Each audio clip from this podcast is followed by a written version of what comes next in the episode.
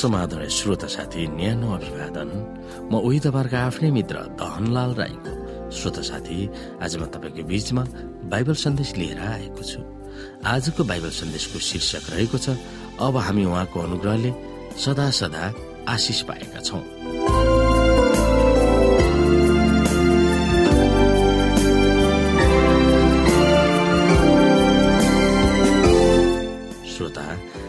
आजको अध्याय एपिसी एक अध्यायको तीन र चारमा दिएको मुक्तिको निम्ति परमेश्वरको योजना र एफिसी दुई अध्यायको साथसँग तुलना गरेर हेर्दै अगाडि बढ्नेछौ।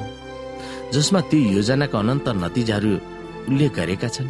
परमेश्वरको मुक्तिको योजनाको महत्वपूर्ण तत्वहरू र लक्ष्यहरू के के हुन् अथवा के के छन्? आउनु श्रोता हामी यहाँ एफिसीको पुस्तक एक अध्यायको तीन र चार हेरौं।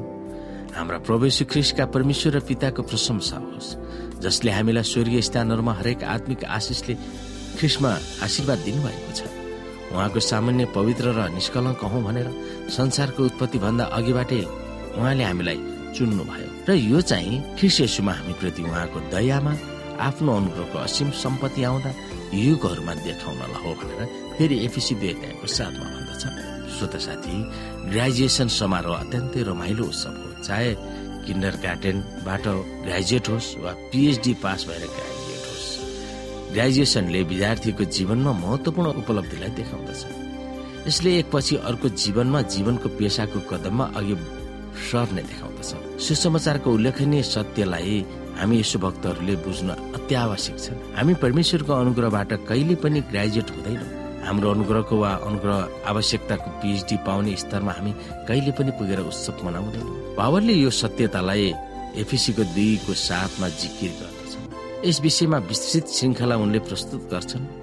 हामीलाई मुक्ति दिन विगतमा परमेश्वरले यसुमा सक्रिय हुनुभएको थियो। उहाँले हामीलाई उहाँको पुत्र यसुसँगै पहिचान गराउनु भएको थियो। उहाँको पुनरुत्थान स्वर्गारोहण र उच्च स्थानमा आसिन एफिसी दुई अध्यायको चारदेखि छमा हामीलाई उपस्थित गराउनु भएर सहभागी गराउनु भएको थियो। अनुग्रहले भरिएको विगतको समय र दयाले ओतप्रोत भएको वर्तमान स्थितिमा परमेश्वरको योजना अन्त हुँदैन। परमेश्वरको योजना ईश्वरीय परिषदमा अनन्त युगदेखि नै पारित भएको थियो र यो भविष्यको अन्तसम्म फैलिरहनेछ। आउने सबै युगहरू यस योजनामा समावेश भएको छ। भविष्यको अनन्त युगसम्म चलिरहने उहाँको योजना त्यही नीतिको कार्यान्वयनहरूमा थियो। जुन विगत र वर्तमान अनुग्रहको नीति थियो आउने युगहरूमा भन्दा परमेश्वरले ख्रिस यसुमा हामीप्रति उहाँको दयामा आफ्नो अनुग्रहको असीम सम्पत्ति आउन युगहरूमा देखाउनलाई परमेश्वरको अनुग्रह सम्पत्ति र वा अथा बहुमूल्य धन हो भनेर पावलले सोच्दछन् विश्वासीहरूले आफ्नो कुनै आवश्यकताको निम्ति त्यसबाट झिक्न सक्छन्।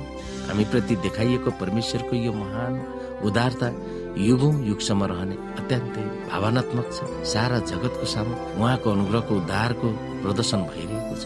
हामीसँग रहनु भएर यसुले मानिस र स्वर्गदूतहरूको सामु परमेश्वरलाई प्रकट गर्नुभएको थियो।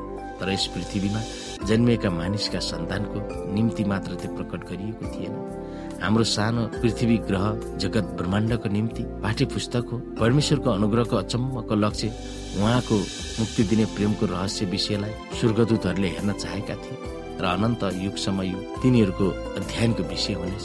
दुवै मुक्ति पाएका र पतित नभएका जीवहरूको निम्ति यशुख्रिस्टको क्रुस तिनीहरूको विज्ञानको विषय हुनेछ र तिनीहरूको गीत पनि हुनेछ।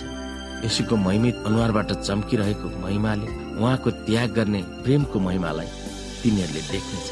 श्रोता साथी हामी यहाँ केही बाइबलीय पदहरू हेरौँ जस्तो एफिसी दुई अध्यायको साथ यहाँ लेखिएको छ यो चाहिँ ख्रिस्यसुमा हामीप्रति उहाँको दयामा आफ्नो अनुग्रहको असीम सम्पत्ति आउँदा युगहरूमा देखाउनलाई हो भनेर। यसै गरी एफिसी एकको साथ उहाँको अपार अनुग्रह अनुसार ख्रिसको रगतद्वारा हामी उहाँमा उद्धार हाम्रो पापको क्षमा पाउँछौँ भनेर यहाँ लेखिएको छ। यसै गरी तिनको आठ पनि हेर्न सक्छौँ हामी श्रोता।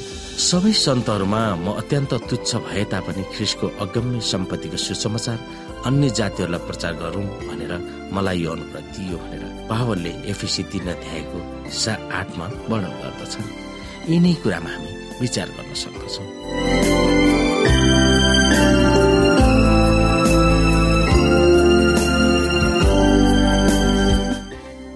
साथी आजको लागि बाइबल सन्देश यति नै। हस्त नमस्ते जय मसिंह।